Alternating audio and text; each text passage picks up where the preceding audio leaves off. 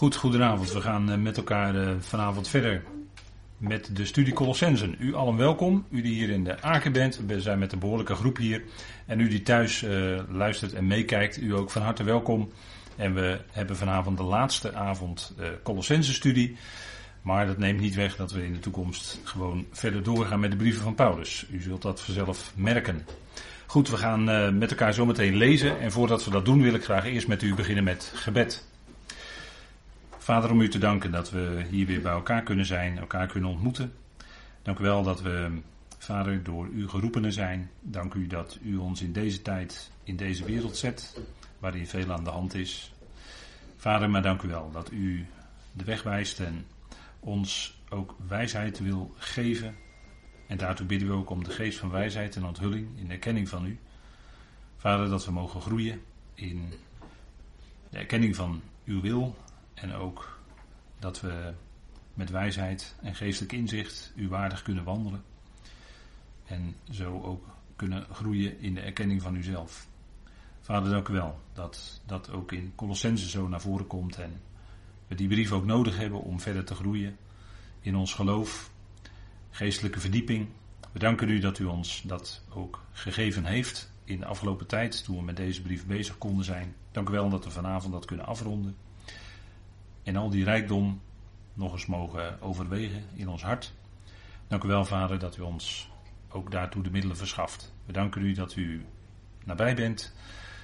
Wees met en ieder die op dit moment kijkt en luistert en u kent de harten. Vader, wilt u daarin werken door uw geest en richten op uw woord en richten op uzelf. Dank u wel dat u dat alles bewerkte door uw geliefde zoon en dat we daarom ook alleen kunnen roemen in u. Vader, zo dank u voor deze avond die u geeft. Wilt u leiden in het lezen, in het spreken, in het luisteren. Dat het alles mag zijn tot opbouw en bovenal tot lof en eer van u. Daar dank u voor, Vader, in de machtige naam van uw geliefde Zoon, onze Heer Christus Jezus. Amen. Goed, we gaan met elkaar lezen de laatste versen van Colossense 4. En u kunt meelezen op verschillende manieren, dat weet u. Daar staat in vers 12, lees ik u, vanaf vers 12, het laatste stukje. Jullie groet Epaphras, die een van jullie is, een slaaf van Christus Jezus, altijd strijdend voor jullie in zijn gebeden, opdat jullie staan, gerijpt en ten volle verzekerd in heel de wil van God. Want ik getuig van hem dat hij veel misère heeft, zowel over jullie als over hen in Laodicea en in Hierapolis. Jullie groet Lucas, de geliefde arts, en Demas. Groet de broeders in Laodicea en Nympha en de uitgeroepen gemeente bij haar thuis. En wanneer de brief bij jullie gelezen wordt, zorg dat hij ook in de uitgeroepen gemeente van de Laodicensen gelezen wordt. En dat ook jullie die uit Laodicea lezen. En zeg tegen Archippus: zie toe op de dienst die je in de Heer aanvaard hebt, dat je die vervult. De groet is door mijn hand, die van Paulus. Herinner je mijn boeien. De genade is met jullie. Amen. En zo sluit de apostel dan deze brief Colossense af. Vers 12, daar zijn we gebleven. Vorige keer stilgestaan tot en met vers 11. Hebben we stilgestaan bij degenen die uit de besnijdenis zijn. Die drie die daar genoemd worden. En nu worden daar weer anderen genoemd, eh, zoals Epaphras, die één van jullie is, dus dat was één uit Colosse, een slaaf van Christus Jezus. En dat wordt van niet zoveel gezegd. Een slaaf van Christus Jezus. Zo noemt Paulus zichzelf wel eens.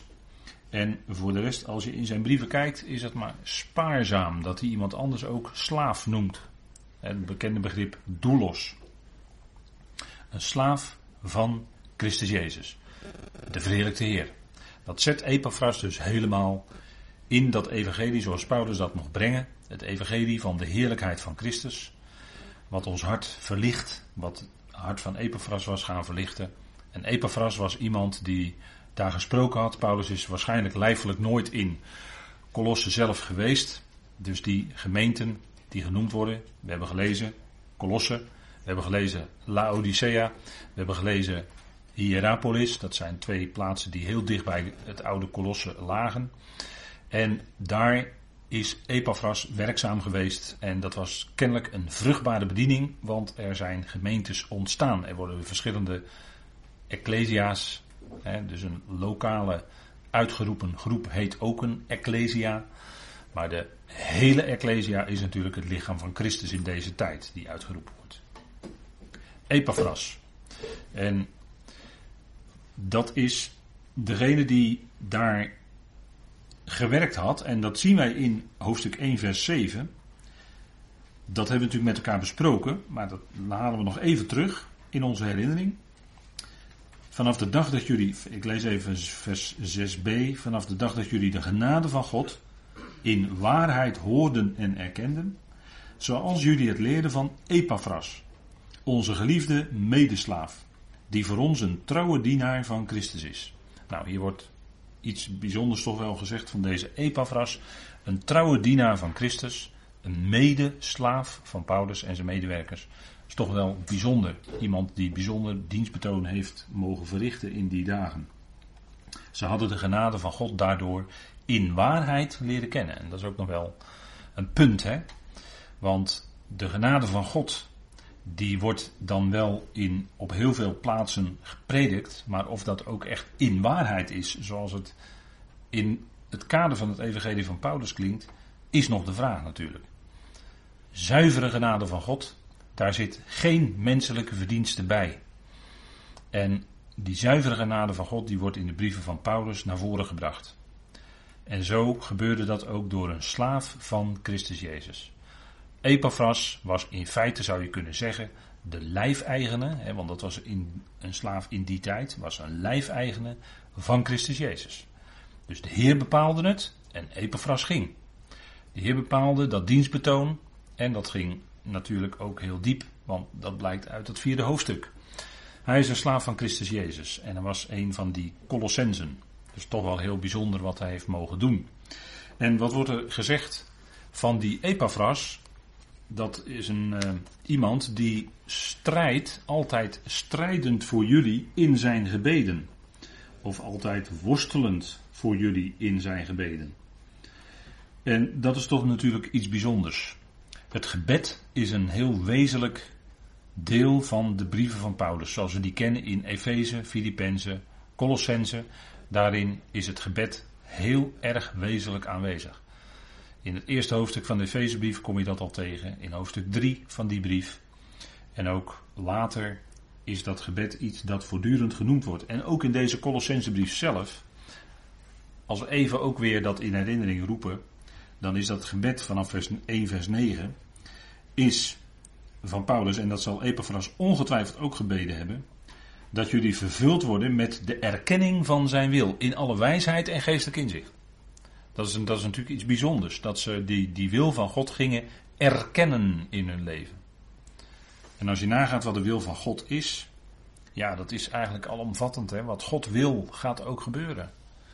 Mensen kunnen met hun eigen kleine willetjes daartegen in proberen te gaan. En dat lukt ook misschien wel voor een tijdje, maar uiteindelijk zal toch Gods wil gebeuren. God is de redder van alle mensen. God wil dat alle mensen gered worden en tot erkenning van de waarheid komen. En dat gaat ook gebeuren. Dat is niet iets dat onzeker is, maar dat Gods wil is wat hij uitdrukkelijk heeft bekendgemaakt. Hij verkondigt vanaf het begin het einde.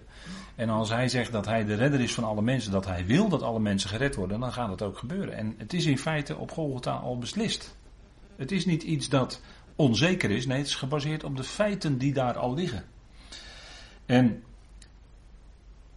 die Colossense, daarvoor werd gebeden, en dat kunnen wij ook voor elkaar als gelovigen bidden. Dat, dat gebed bidden we met Paulus mee. Vervuld worden met de erkenning van zijn wil. Zodat jullie ook de Heer waardig wandelen tot geheel zijn behagen. Goed werk vrucht dragen. Groeien in de erkenning van God. Kijk, daar is dat gebed van Paulus op gericht. En dat kunnen wij ook voor onszelf en voor elkaar bidden dat we de Heer ook waardig wandelen. Dat betekent ons leven, dat wij wandelen, dat ons gedrag is in overeenstemming met dat evangelie. En, en, en dat is in het diepe besef dat we, hè, zoals het ook in deze brief heeft geklonken, dat we meegegaan zijn in die besnijdenis van Christus. In die afsnijding van Christus op Golgotha. Het is niet de besnijdenis van Jezus, nee, de besnijdenis van Christus. En dat was op Golgotha. Dat was zijn kruisiging, zijn dood. Daar werd het vlees afgesneden. Dus wij wandelen dan niet langer naar het vlees. Dat kan niet, want dat, dat is, dan zit je nog voor het kruis te rekenen, bij wijze van spreken. Nee, we wandelen na die gebeurtenis op Golgotha, na zijn opstanding uit de doden. En dan is in feite het vlees volledig afsnijding van het vlees. Hè? De besnijdenis van Christus, zegt het al. Hè? Dan is dat vlees volledig aan de kant. En daarom kennen wij elkaar ook niet meer naar het vlees. We kennen elkaar alleen in Christus en erkennen dat. En zien elkaar aan ook in Hem. En dan leef je anders. Dan gedraag je ook anders. En dat is eh, tot geheel zijn behagen. In alle goed werk vrucht dragen. En dat wordt misschien tot geheel zijn behagen staat hier. En dat wordt misschien niet altijd door andere mensen begrepen of door andere gelovigen begrepen. Maar je wil leven tot zijn eer, tot zijn welbehagen. daar gaat het om. Groeien en ook uiteindelijk hè, groeiend in de erkenning van God. Het is die cyclus zou je kunnen zeggen. Hè, steeds toenemen in de erkenning van zijn wil. Niet alleen van het grote plan van God, maar ook voor de erkenning van zijn wil in jouw persoonlijk leven. En ook voor de erkenning van zijn wil in, het, in de ecclesia waar je dan toe behoort. In de lokale ecclesia. Daar heeft het natuurlijk allemaal mee te maken. Daar heeft die wil van God allemaal invloed op. En daar zouden we ons naar richten. Hè? Daar, eh, en dat is ook groeien in de erkenning van God. God die de plaatser is. Erkenning van God. Erkennen dat God het zo doet in uw leven, in jouw leven, in mijn leven. En dat erkennen, hè, dat gaat dieper dan alleen daar kennis van nemen. Nee, erkennen. Accepteren, aanvaarden dat het ook zo is. Hoe God het doet in jouw leven, hoe God het doet in mijn leven, dat erkennen, daar gaat het om. Erkenning van God, de plaatser. Hij plaatst die dingen in ons leven die er nu zijn. Hoe je leven er nu uitziet, dat heeft Hij allemaal zo. God is de plaatser. Heeft Hij allemaal zo geplaatst. En dat is vaak niet zo'n makkelijke weg. Dat was het voor de Heer zelf ook niet tenslotte. En voor ons evenmin. Het is de weg via lijden, via verdrukkingen, via benauwdheid. dat je het ook innerlijk echt benauwd kan hebben. dat het van binnen, ja, dat gewoon moeilijk is soms. En toch accepteren, aanvaarden met dankzegging. Want dat heeft ook nadrukkelijk geklonken in deze brief. De dankzegging. Denk nog maar eens terug. Colossense 3, 15, 16, 17. Klinkt in alle drie de versen, klinkt die dankbaarheid ook. Dat is die genade. Waar we altijd God voor kunnen danken in ons leven. En dan zijn de omstandigheden soms moeilijk. En al zijn we soms beperkt. En soms heel erg beperkt in onze mogelijkheden. Was Paulus ook. Hij was in banden.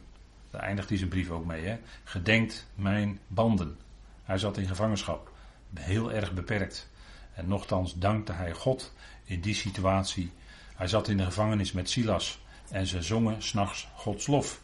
Het leek uitzichtloos. Voet in het blok. Ten onrechte. En God gaf in die omstandigheid, in handelingen dan, een ongedachte uitkomst dat hij direct eruit kon. Maar hij was even heel beperkt. En wat deden ze? Ze zongen s'nachts Gods lof. Dat is genade, dat je dat kunt. Niet eenvoudig, het gaat door een mens heen. En als mens heb je je emoties. Ken je net zulke emoties als andere mensen. En toch is het bij ons als gelovigen anders. Omdat het kader bij ons anders is. Wij kijken anders tegen de dingen aan. Wij zien het anders. En we kunnen ook door veel dingen heen kijken, om het zo maar te zeggen. En dan zien we ook Gods hand daarin. En ook in ons leven. In ons persoonlijk leven is het ook Gods hand die ons leidt. Epaphras was iemand die streed, die worstelde voor die andere gelovigen in zijn gebeden. Voor elkaar ook voorbeden doen, hè, elkaar gedenken in, ons, in onze gebeden. En het gaat niet zozeer om lijstjes afwerken, maar het gaat erom dat we beseffen, ja, die ander in, is ook als medelid in het lichaam van Christus geplaatst. En daar hebben we mee te maken in een plaatselijke gemeente. En daar kunnen we voor bidden. Hè. Dat, eh, bij, bij Epaphras was het zelfs uh, strijdend, hè, worstelend in zijn gebeden voor de, voor de medegelovigen. En ik denk dat dat ook een punt is wat we ook kunnen meenemen, waarin Epaphras voor ons een voorbeeld is. Hè. Dat, dat we ook voor die ander kunnen bidden. Als je op de hoogte bent van de situatie van een ander. dan kun je daar dat meenemen in je gebed en daar voorbeden voor doen. En op zijn minst denk ik dat we die gebeden van de apostel Paulus, die toch uh, bedoeld zijn voor de hele Ecclesia, dat we die altijd kunnen meenemen. Efeze 1 en wat we hier in Colossense 1 lezen, dat is een gebed voor al onze medegelovigen.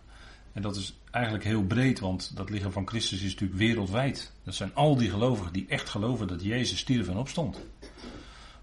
dat, al die medegelovigen, hoe weinig sommigen misschien ook weten of erkennen van het evangelie zoals Paulus dat brengt, nochtans zijn het onze medebroeders en zusters. En als je daarmee in contact komt, dan, dan weet je dat of iemand wel of niet echt gelovig is, ja of nee. Het gaat erom die lijn met de Heer, Hem erkennen. En eh, gradaties van kennis, ja, ach, ja, goed. Het is fijn als we verdieping hebben mogen krijgen en ons willen verdiepen in. Dat is ook iets wat God geeft. En dan zijn we heel rijk mee, daar zijn we heel dankbaar voor. Dat geheimenis van Christus, hè, wat in deze brief klinkt, wat we besproken hebben met elkaar, dat geheimenis van Christus is heel rijk, dat is heel breed. Het omvat eigenlijk alles. Dat is natuurlijk geweldig. Die Heer mogen wij kennen. Dat is natuurlijk iets bijzonders. Gebeden. En hij bidt, en dat is een, een, een, een toch wel een punt, hè, opdat jullie staan, opdat jullie staan, en dat is hier de, u ziet het met, als u in uw boekje meeleest, ziet u dat het hier in de aanvoegende wijs staat. Hè? Dus eigenlijk zou je kunnen vertalen zouden staan. Maar goed, we, we, we, mogen dat kortweg met staan vertalen. Opdat jullie staan, gerijpt en ten volle verzekerd in heel de wil van God.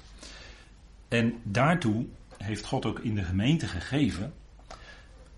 En dat is in verband met, dat, met, met, dat, uh, met die geestelijke rijpheid, hè, dat gerijpt zijn, opdat jullie staan, gerijpt en ten volle verzekerd. En om te komen tot die rijpheid in het geloof, in, uh, in geestelijk gezien, zijn nodig in de gemeente, geeft God in de gemeente, gaven, en dat is natuurlijk het hele lichaam van Christus wereldwijd, evangelisten, herders, leraars, Efeze 4. En die leiden of begeleiden de heiligen van onmondigheid naar volwassenheid. Dat is een groeiproces. Zoals in, in ons leven als mens, wij beginnen in een fase van onmondigheid. Vanaf onze geboorte groeien wij op tot volwassenheid, tot gerijpt zijn. Dat is letterlijk, maar geestelijk gezien is het ook zo. Je begint in onmondigheid, geestelijk gezien. En het is de bedoeling dat we opgroeien naar volwassenen in het geloof. En daartoe geeft God evangelisten, herders en leraars. En wat doen die? Die spreken. En herders ook. herders zijn degenen die laten we maar zeggen, wat pastoraal bezig zijn. Maar dat is uh, eigenlijk maar met, uh, altijd dan ook met dat woord van God. Met het evangelie zoals Paulus dat brengt. Gesprekken, maar in gesprekken klinkt dan ook datgene wat we leren uit dat evangelie van Paulus. Dat is iets dat je in je geestelijk leven verder helpt. Ook als er problemen zijn, ook als er wijsheid nodig is. Dan is toch altijd het ene fundament daar wat we hebben mogen leren van die apostel.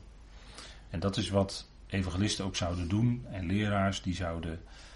Evangelisten brengen het evangelie zoals de apostel Paulus dat heeft mogen aanreiken. Daar gaat het om. Het goede nieuws. Het goede nieuws.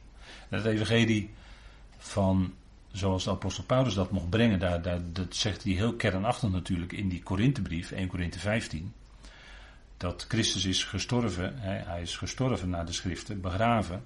En hij is ook op de derde dag opgewekt naar de schriften. Dat is de kern. Maar daar zit in feite alles in. En later wordt duidelijk in de brief van Paulus dat wij daarin meebegrepen zijn. Hè? Dat wij met hem mede gekruisigd zijn, mede begraven en ook mede opgewekt om in een nieuw leven te wandelen. Dat is het evangelie zoals Paulus dat brengt. En dat het ook een strekking heeft, hè? dat zijn dood en opstanding ook strekking heeft voor die hele mensheid en voor die hele schepping, dat is fantastisch. En het klinkt het duidelijkst bij Paulus. Maar het evangelie zoals Paulus dat brengt, heeft alles te maken met de kern waar het om draait. Zijn kruisiging, begrafenis, opstanding uit de doden, opwekking uit de doden.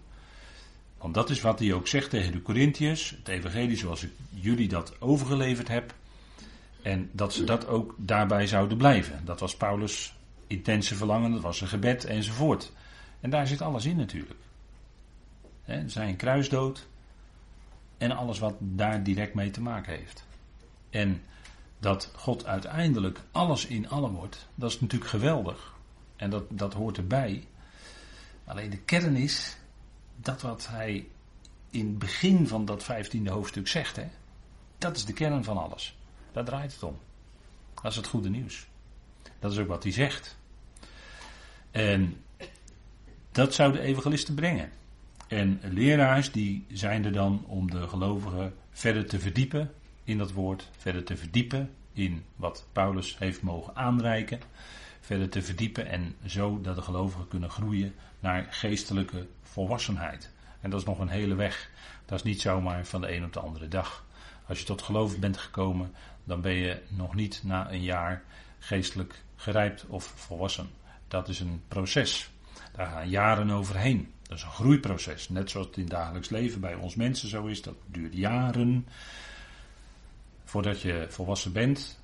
En in het geestelijke bereik is dat ook zo. Dat duurt jaren voordat je gegroeid bent tot geestelijke volwassenheid. Daar is ervaring voor nodig. Daarvoor moet je door moeilijkheden. Gaat God, kan ik beter zeggen, met jou door moeilijkheden heen, door allerlei dingen. En zo brengt hij je tot groei. En dat is iets wat God doet. Kijk, Apollos was iemand die mocht eh, water geven, die mocht begieten, maar God geeft de groei. Dat is natuurlijk altijd, hè? Met God geeft het geloof en God geeft ook de groei. En God geeft aan ieder de mate van geloof. Met de bedoeling altijd, met de, hè, dat is altijd, is daarop gericht dat de gelovigen ook groeien tot volwassenheid.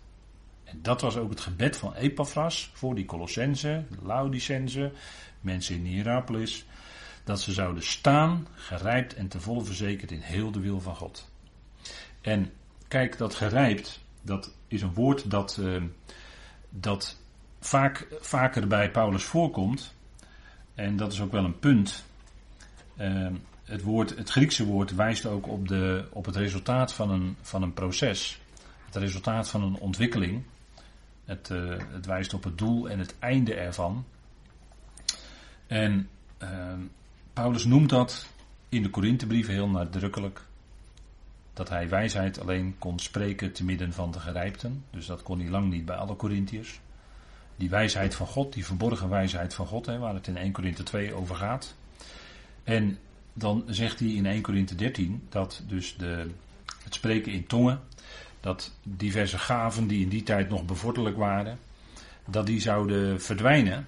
Hè, dat heeft ook te maken met tekenen en wonderen, had ook te maken met, met, het, met uh, het verdwijnen van de lijn van het koninkrijksevangelie. Uh, Paulus deed bij gelegenheid ook uh, wonderen, om het zo maar te zeggen, genezingen. Maar wanneer de rijpheid zou komen, zouden de tongen verstommen, zouden profetieën afgedaan hebben, zouden kennis, hè, dat was de kennis in de zin van dat mensen ineens direct kennis kregen van God door de geest. Maar dat zou ook voorbij gaan, die gaven van kennis, om het zo maar te zeggen. En die geestelijke gaven, die zouden ophouden. Die geestelijke gaven die ik net noemde, die zouden ophouden, zegt Paulus in 1 Corinthië 13, wanneer de rijpheid komt. En dus is het jammer dat de NBG heeft vertaald wanneer het volmaakte komt. En dat leidde er bij veel gelovigen toe dat zij denken dat het volmaakte is als ze bij de Heer zijn. Nee, Paulus heeft het daar over de rijpheid. En die zou later komen bij het schrijven van deze brieven. Efeze, Filippenzen, Colossense. Daar heeft hij het over. Als mensen dan volledig konden groeien tot geestelijke volwassenheid, dan zouden die gaven die voor die tijd nog bevorderlijk waren, laten we maar zeggen voor die overgangstijd nog een functie hebben. Maar die zouden dan aan de kant gaan. En dat is wat hij zegt. Want hij gebruikt in 1 Corinthië 13 vers 10 ook dit woord. Wat we hier in Colossense 4 vers 12 dus ook tegenkomen. En in Efeze 4 vers 13 gebruikt hij dat woord ook. En daar lees je dat dus terug. Efeze 4 vers 13.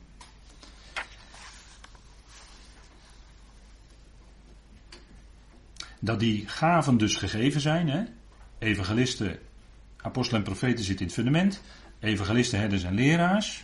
Tot aanpassing van de heiligen, zegt Paulus in Efeze 4 tot dienstwerk, tot ombouw van het lichaam van Christus, totdat wij allen komen tot de eenheid van het geloof en van de bewustwording van de Zoon van God, tot gerijpt man. En dat woord gerijpt is daar precies hetzelfde als hier in Colossense 4 en in 1 Corinthië 13 vers 10. Tot gerijpt man. En u ziet, als u een boekje leest, dan ziet u ook dat uh, de volgende tekstwijzing is dan Filippenzen 3 vers 15. Maar die heb ik voor u ook op de slide gezet. Wij allen dan die gerijpt zijn, zegt Paulus in Filippenzen 3. wij allen dan die gerijpt zijn, laten wij wandelen in die gezindheid. Dat is ook een kenmerk van dat gerijpt zijn. Vers 15, Filippenzen 3, vers 15. Wij allen dan die gerijpt zijn, laten wij deze gezindheid hebben. En indien jullie op enig punt anders gezind zijn, ook dit zal God jullie onthullen. En in het verband is dat ook, deze gezindheid is het voorbeeld van Paulus navolgen, dat Paulus joeg naar de kennis van Christus. Het ging hem maar om één ding, de kennis van Christus mijn Heer. En daar joeg hij naar. En daar was hij op gericht. En zo was hij heel drukdoende elke dag. Daar was hij mee bezig. Kennis van Christus Jezus is alle, wat alles te boven gaat. En daar ging al dat wat hij naar het vlees zich eventueel nog op kon beroemen. Wat hij in Filippenzen 3 ook noemt. Dat ging aan de kant. Eventueel waar hij zich nog op zou kunnen beroemen naar het vlees. Nee, zegt hij, dat is van nul waarde. Dat acht ik schade en, hoe zeggen ze dan in Nederland? Drek geloof ik hè. Verwerkt, verwerkt, vuilnis aan de kant. Want het ging hem om de kennis van Christus Jezus, zijn Heer. En is dat niet een geweldig voorbeeld om na te volgen, Paulus? In die gezindheid. Die gezindheid van Christus Jezus. In ootmoedigheid dat dienstbetoon doen.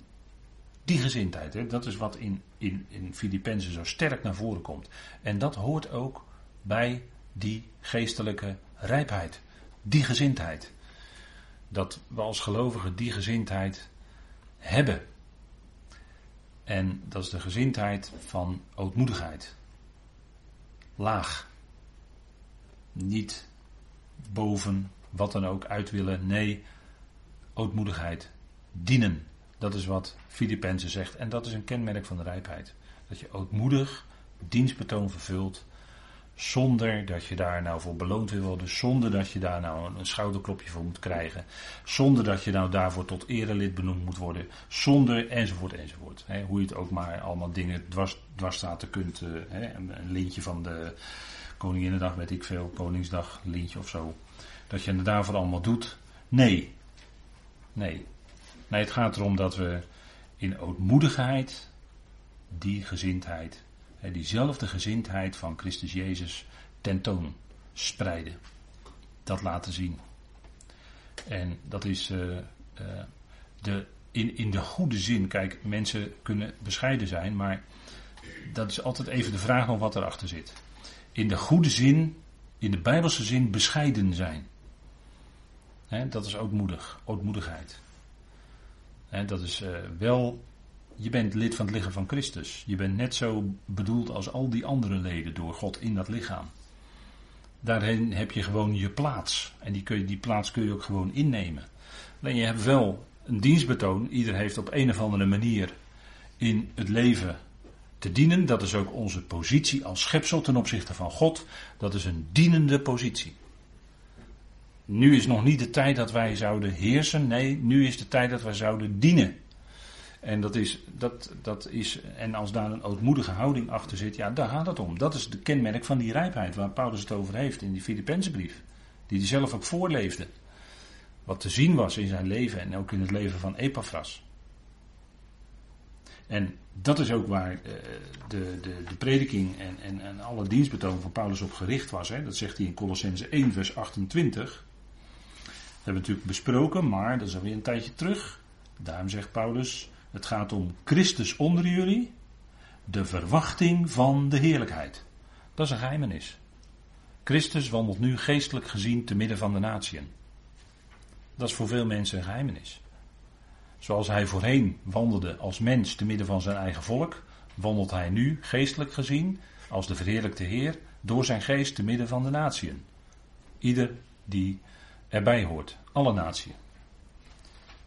En dan zegt Paulus, hem kondigen wij aan. wanneer wij ieder mens vermanend en ieder mens onderwijzend in alle wijsheid, opdat wij ieder mens zullen presenteren, gerijpt in Christus Jezus. Daar gaat het om. Daar is zijn hele wezen, alles wat hij doet, op gericht.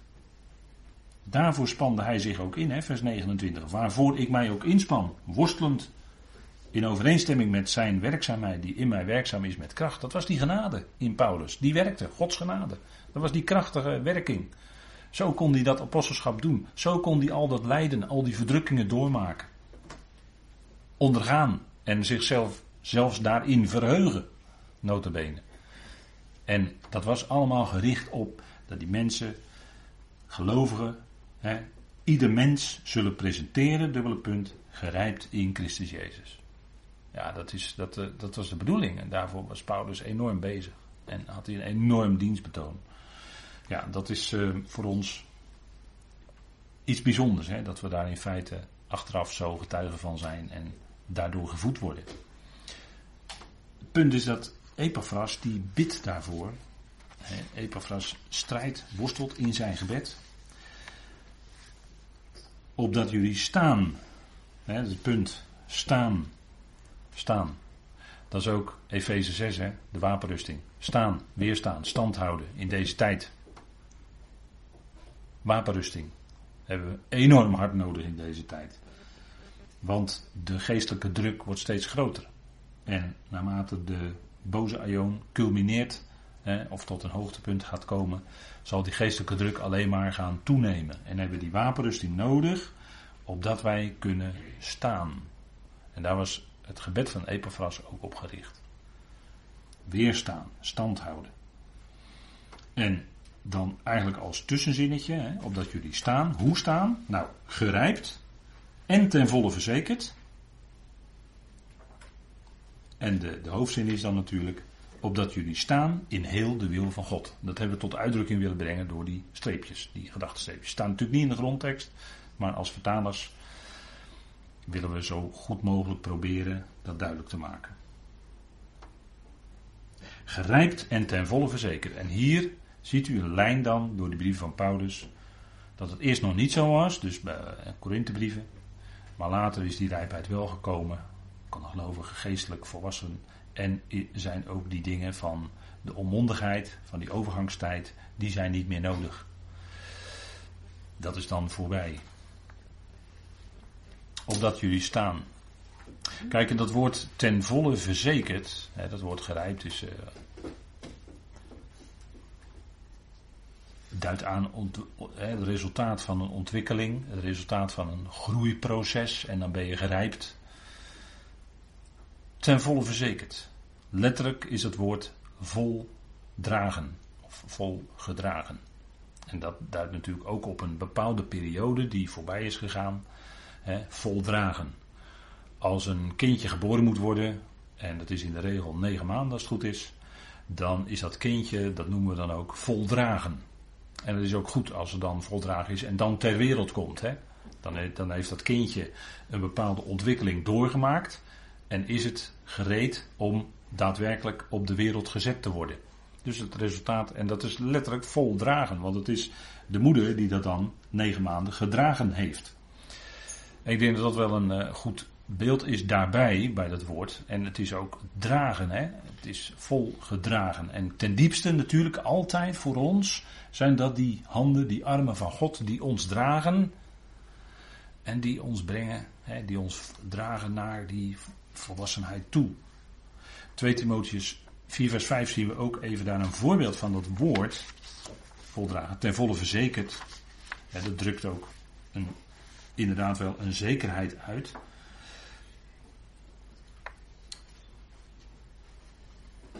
En daar heeft het een iets andere nuance. 2 Timotheus 4 vers 5. Daar zegt Paulus tegen hem, maar jij wees nuchter in alles. Leid kwaad als een uitstekend soldaat van Christus Jezus. Doe het werk van een evangelist. Vervul je dienst ten volle. En dat ten volle vervullen hier is hetzelfde woord. Dus die dienst die zou hij ook dan ook helemaal vervullen, hè? helemaal voltooien. Dat is waartoe Paulus hem aanspreekt. En vers 17. Maar de Heer, en dat zijn de laatste woorden zo'n beetje van Paulus, maar de Heer stond naast mij en gaf mij kracht, opdat door mij de Heerhoudsboodschap ten volle vervuld wordt. En alle naties die horen. En ik ben geboren uit de muil van een leeuw. En hier ook weer dat ten volle vervuld worden. Dat is ook datzelfde woord. Hè? Dus het heeft te maken met een heel proces. Wat leidt tot iets. En Epaphras' gebed was dat die Colossense ook ten volle vervuld waren, ten volle verzekerd waren, eh, vol dragen waren om te staan. Want ook een onmondige, het kenmerk van een onmondige, als je dat leest in Efeze 4, waar Paulus het over heeft, een onmondige, die wordt nog heen en weer geslingerd door allerlei wind van leer, wind van onderricht. Door allerlei geestelijke richtingen, stromingen, noem maar op. En dat is nogal enorm veel in de loop van de tijden geweest en ook vandaag de dag. Daar ben je binnen de kortste keren, als je niet uitkijkt, op een dwaalspoor. Maar een gerijpt gelovige, die blijft staan en die blijft ook bij dat evangelie zoals dat geleerd is. En het, alles is erop uit om de gelovigen daar weer van af te brengen. alle geestelijke machten en krachten, die zijn er mede op uit om de gelovigen weer van dat vaste fundament af te brengen. En dan gaan de gelovigen meegaan met allerlei dingen. Dat gebeurt, dat gebeurde in Paulus' dagen, dat gebeurde tijdens zijn gevangenschap. Want moest hij niet, eh, en mogelijk dat hij eh, twee keer gevangen heeft gezeten. Maar goed, ehm, in de tweede Timotheusbrief schrijft hij ook dat allen in Azië hem verlaten hadden. En dat betrof dus ook, tot zijn grote verdriet, Colosse. Want dat was ook Azië. En eh, Laodicea bijvoorbeeld. En dat is een andere fase. Laodicea, nou, daar komen we nog op, maar dat is een andere fase dan de fase van Laodicea in openbaring. Daar gaat het over iets anders. Maar Epaphras' gebed was dat ze zouden staan gerijpt, ten volle verzekerd. En waarin? In heel de wil van God. In heel de wil van God. En dat is natuurlijk heel wat. Gods plan. We hebben er net al even gememoreerd. Gods plan met betrekking tot mensen. Tot de schepping. Maar ook Gods plan vooral specifiek voor ons, voor het lichaam van Christus. Wat is nou Gods wil voor ons, het lichaam van Christus? Is dat wij hier meebouwen aan een koninkrijk wat hier op aarde gaat doorbreken? Of is het anders? En we leren uit de brief van Paulus dat het wezenlijk anders ligt. Dat onze toekomst boven ligt en niet op aarde. En dat heeft invloed op hoe wij hier op deze aarde leven en zijn en erin staan. En toekomst, omdat je je toekomst weet, wat je bediening is, naar de Efezebrief die heerlijkheid, hè, die wijsheid van God en de genade van God bekendmaken aan de hemelse macht en krachten. Dat gebeurt nu al door de Ecclesia, dat gebeurt nu al. Gaat nu al een prediking vanuit ook aan de machten en krachten. Als eh, evangelie gesproken wordt, en daarom moet het ook klinken, het moet ook daadwerkelijk gesproken worden, uitgedragen worden. En dan is het ook een prediking aan de geestelijke machten en krachten. En uh, die reageren dan ook. En dat zie je steeds bij Paulus ook in handelingen. Dat als daar het woord doorgaat, als dat uh, mensen bereikt, als mensen daardoor veranderd worden, dan zie je dat uh, ogenblikkelijk van de andere kant, om het zo maar te zeggen, vanuit de geestelijke wereld, komt er via mensen, gaat altijd via vlees en bloed, komt er via mensen een tegenreactie. Dat is constant aan de hand. En uh, daar, daar uh, moet je alert op zijn. En met de gelaten brief heb ik heel wat keren gezegd: rondom het woord is altijd strijd. Nou, dan bedoel ik dus deze dingen. Dat het dus gaat om uh, dat er een, eh, een voortdurende geestelijke strijd is. En uh, in onze tijd is dat steeds sterker merkbaar, ook in de maatschappij. Dat er een enorme geestelijke strijd gaande is. En dat, want er moet iets anders gaan aanbreken. Hè? Dat, dat, dat, dat is ook zo. En daarom is het, wordt de geestelijke druk steeds groter.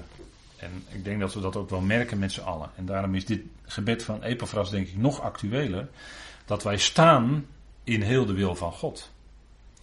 En uh, dat er allerlei dingen nu aan het uh, kantelen zijn of het omwentelen. Een ander woord voor omwenteling is natuurlijk revolutie. Uh, dat, dat, is, dat, dat lijkt toch wel gaande te zijn. En daar zouden we wel alert op zijn, denk ik. dat, dat is waar je als gelovige je, je antenne hebt uitstaan. wat, wat, wat is er allemaal aan de hand? Wat gebeurt er allemaal geestelijk? Wat zit erachter? Dat je dat, dat, dat ziet komen. En ik denk ook dat we dat zien komen. En daarom is het belangrijk dat we staan in heel de wil van God. Dat we weten wat de wil van God is voor ons als gemeenteleden. Dat we ons niet laten afleiden naar links of naar rechts. Nee, die koers varen die God bedoelt, die God wil voor de gemeente. En uh, dat is richting, richting die bediening die in de toekomst ligt. En wat we hier doen, dat is ook zoals prediker dat dan zegt, hè, vaak toch uh, doen wat je hand vindt om te doen. Maar dat is dan wel vanuit die gezindheid die we hebben, die gezindheid van Christus Jezus, hè, die ootmoedige gezindheid. Opdat jullie staan in heel de wil van God. Dat is wat de bedoeling is. Dat de gelovige niet omvalt, dat de gelovige niet omgeblazen wordt door allerlei andere geestelijke richtingen, allerlei wind van leer en noem maar op. Maar dat die gelovigen blijven staan op dat, op dat ene fundament. En dat is wat we dan ook voortdurend eh, met elkaar doornemen. De brieven van Paulus. Dat is wat van belang is. Dat, dat we daar ons door laten voeden. Voeden met de, eh, met de woorden van het geloof en met het uitstekende onderricht. En het uitstekende onderricht voor deze tijd is de evangelie van Paulus. Anders niet. Anders is het geen uitstekend onderricht. dat, moeten we toch, eh, toch elke keer weer even laten horen dat het, dat het dat is. En anders is het geen uitstekend onderricht. Is er wel onderricht, want er, wordt, er is heel veel onderwijs wordt gegeven, elke dag weer. Overal ter wereld. Maar is het dan ook het uitstekende onderricht? En dat is wat, wat moet klinken. Opdat jullie staan in heel de wil van God. Dat is wat God wil. God, de schepper. God, je redder. God die alles in zijn hand heeft. Die grote God. Die we niet kunnen beredeneren met onze kleine hersenpannetjes. Het is die grote God die alles in zijn handen heeft. Die, die uh, grote dingen heeft gemaakt die we kunnen waarnemen. Maar ook hele kleine deeltjes heeft gemaakt die we niet kunnen waarnemen met ons oog. Dat is die grote God die dat allemaal gemaakt heeft. Beseffen wel even waar we het dan over hebben. Hè? Het gaat om God, die de plaatser is, die liefde is. En die alles zet naar zijn hand ten diepste. Ook in ons leven. Plaatser, onderschikker. Dat zijn de woorden. Degene die ons wijst. Hè, dat zit in dat Hebreeuwse begrip ook. Hè, eeuw, dat is de onderschikker. Daar zit ook duidelijk een, een, wijzing in van God wijst je, dat is het. Die plaats, dat doe ik in jouw leven, dat ga ik doen. En, en dat is, uh, ja, kijk hier ziet u op dit fotootje, uh, hè, dat ene bordje mijn wil, wil de andere kant op. Ja, zo eigenwijs uh, zijn wij natuurlijk wel als mensjes, hè, mijn wil. Nee, God corrigeert dat, er zit dan een bordje, nee, Gods wil, daar gaat het om. Gods wil, die kant op. Nee, maar ik, die kant, nee, nee, die kant op. Dat is het, hè. En dat is toch vaak, ja, niet mijn wil, zei de Heer Jezus toch in zijn gebed in Gethsemane. gaat over gebed, hè? Niet mijn wil, maar uw wil geschieden in mijn leven. Vader, geef het aan u over. En dan doet vader het ook en dan geeft hij ook het vermogen en de kracht om er doorheen te kunnen gaan. Met hem.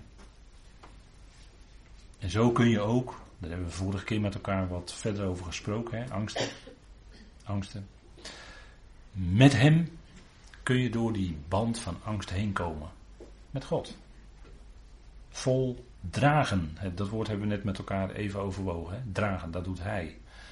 En dan gaat Hij met je mee. En dan geeft Hij ook de kracht.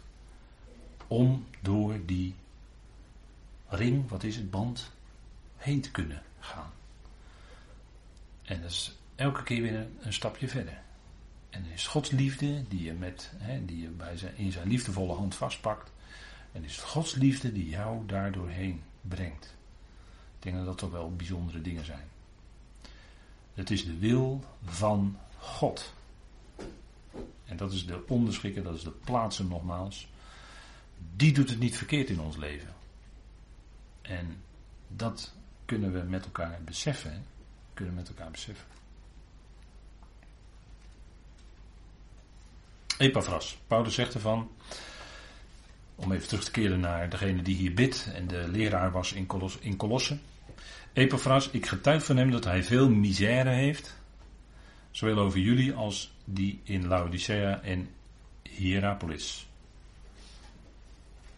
Laodicea, dat is een plaats die daar vlakbij ligt. Op dat kaartje misschien moeilijk te zien hier, maar ligt er vlakbij. En Hierapolis ligt er ook vlakbij. Laodicea, de, de naam van die stad, als het een stad was, betekent letterlijk volk. Hè? Laos is volk. En Dicea heeft te maken met dike of dikaion. En dan heeft het te maken met recht of rechtvaardigheid. Dan zou je het kunnen vertalen met rechtvaardig volk of rechtvolk, iets, zo, zoiets. Hè? En Hierapolis, dat is een samenstelling ook, hè? dat ziet u aan het woord polis, dat is uh, stad. Dus eigenlijk letter, heel letterlijk is het eigenlijk veel. Hè? In de stad wonen veel mensen. Vandaar dat we polis met stad vertalen. En hiera is eigenlijk het woord voor gewijd of priester. Je zou kunnen zeggen, je zou het mogen vertalen met priesterstad. Maar goed, waar, waar dan het in die stad aan gewijd was, nou die wereld was natuurlijk ook vol afgoden en dergelijke. Maar goed, Epaphras, ik getuig van hem dat hij veel misère heeft. Hij streed, hij worstelde in zijn gebeden. En hij had veel misère, ja, dat is eigenlijk een nood hebben, hè? nood, ellende, uh, misère. Het woord komt niet zo vaak voor, maar uh, wat, wat, hield, wat hield Epaphras dan bezig? Waar leed hij dan onder? Hij had nood. Uh, hij, hij had misère. Waarover dan? Nou, misschien wel wat hij in zijn dagen zag gebeuren. En dat is wat steeds weer gebeurt als mensen geroepen zijn in genade. Dan is het heel vaak zo dat mensen, is gebleken in de loop van de tijd, dat mensen wel begonnen eh, heel fijn bij de zuivere genade van God. Maar na verloop van tijd uh, ging het toch weer verwateren, een beetje, een beetje draaien. En dan kwamen er toch weer menselijke verdiensten om de hoek kijken. De gelaten brief. De gelaten brief. de gelaten brief gaat over dat wij ook leven in genade. Daar gaat de gelaten brief eigenlijk over. De hele gelaten brief gaat niet over of de rechtvaardiging om niet, of dat wel of niet in genade is. Daar gaat de gelaten brief niet over. Nee, de hele gelaten brief gaat over dat wij ook in ons geloofs leven, in genade. En laat u zich niet uh, op verkeerde been zetten door andere uitleg. Want er is genoeg ook andere uitleg over de gelaten brief die de gelaten brief heel anders in een heel ander kader zetten. Die leraren zijn er ook. Maar de gelaten brief gaat hierover, dat hebben we heel duidelijk gezien in al die studies. Het gaat om leven in genade. In de vrijheid in Christus. Daar gaat het om. Dat was voor Paulus. Hè, en omdat het ging om de grondtoon van zijn evangelie. Vandaar dat Paulus zo fel is in die gelatenbrief. En ik denk dat dat eh, een, een belangrijk punt is hoor. En dat is wat je steeds ziet bij genadeprediking. En heel vaak, hè, dan, dan hoor je soms ook een prediker, hoor je spreken. En dan uh, spreekt, die, spreekt de betreffende prediker over genade. En dan na een minuut of 20, 25, 30, dan komen toch weer de menselijke verdiensten om de hoek kijken. Dan is het toch genade, komma, maar en nu moet jij in je dagelijks leven toch allemaal goede dingen doen. En dan hangt het toch uiteindelijk weer van jou af.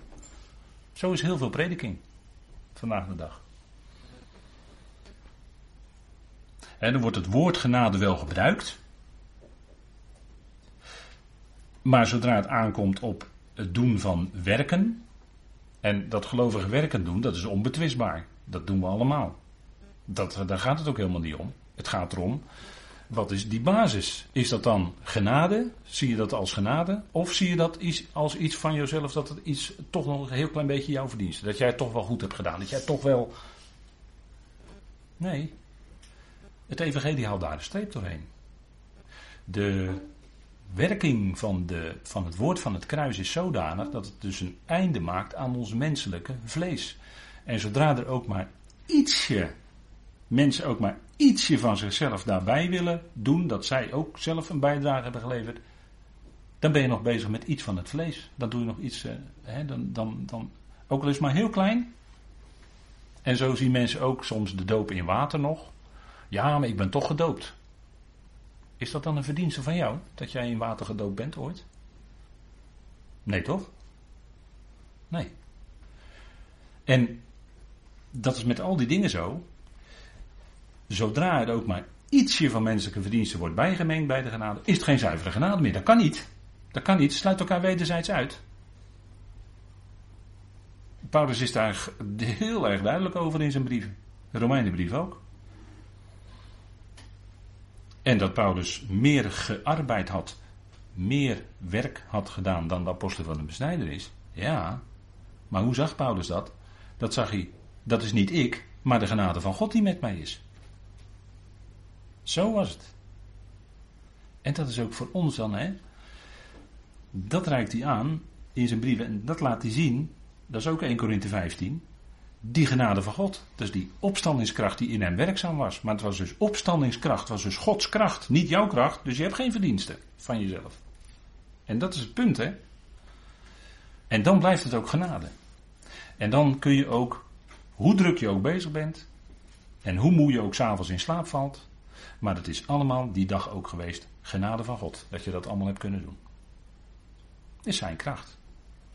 Als je dat erkent, dan is dat hè, het ideale onderricht. De genade, grondtoon in het evangelie van Paulus. En wat denkt u, en, daar, en Epaphras zag dat gebeuren en daar, daar, daar, daar had hij misère over. Dat was bij hem, dat pakte hem heel erg aan. Dat, dat, hij, dat hij dat zag, dat gelovigen weggleden van de genade en toch weer in die menselijke verdiensten gingen stappen. Daar, had hij, daar had hij nood over, innerlijke nood. Daar, daar bad hij voor. Dat, dat. En, en wat denkt u van de vrede? dat hij zag dat de vrede uit, uit groepen gelovigen wegging. Dat er, dat, er, dat, er, dat er trots insloop. Of dat er tweedracht kwam. En, en gevolg daarvan verdeeldheid. Daar leed Epaphras onder. Misère, dat woord wordt hier gebruikt. Hè? En dat zag je dus ook in Laodicea en Hierapolis geboren, gebeuren. Azië, die provincie Azië. Ze werden van Paulus afgekeerd, van zijn evangelie afgekeerd. En dat had hiermee te maken met die werken. En het kan allemaal heel mooi en heel vroom klinken. Maar zodra er iets eer wordt gegeven aan menselijke verdiensten, dan is het vroom vlees. En niet anders dan dat. En dat, ook dat is afgesneden op Golgotha eigenlijk. En dat, dat mede erkennen. Hè? Erkennen. Goed, ik denk dat we even met elkaar kunnen pauzeren en dan gaan we straks uh, weer verder naar een uh, bak koffie.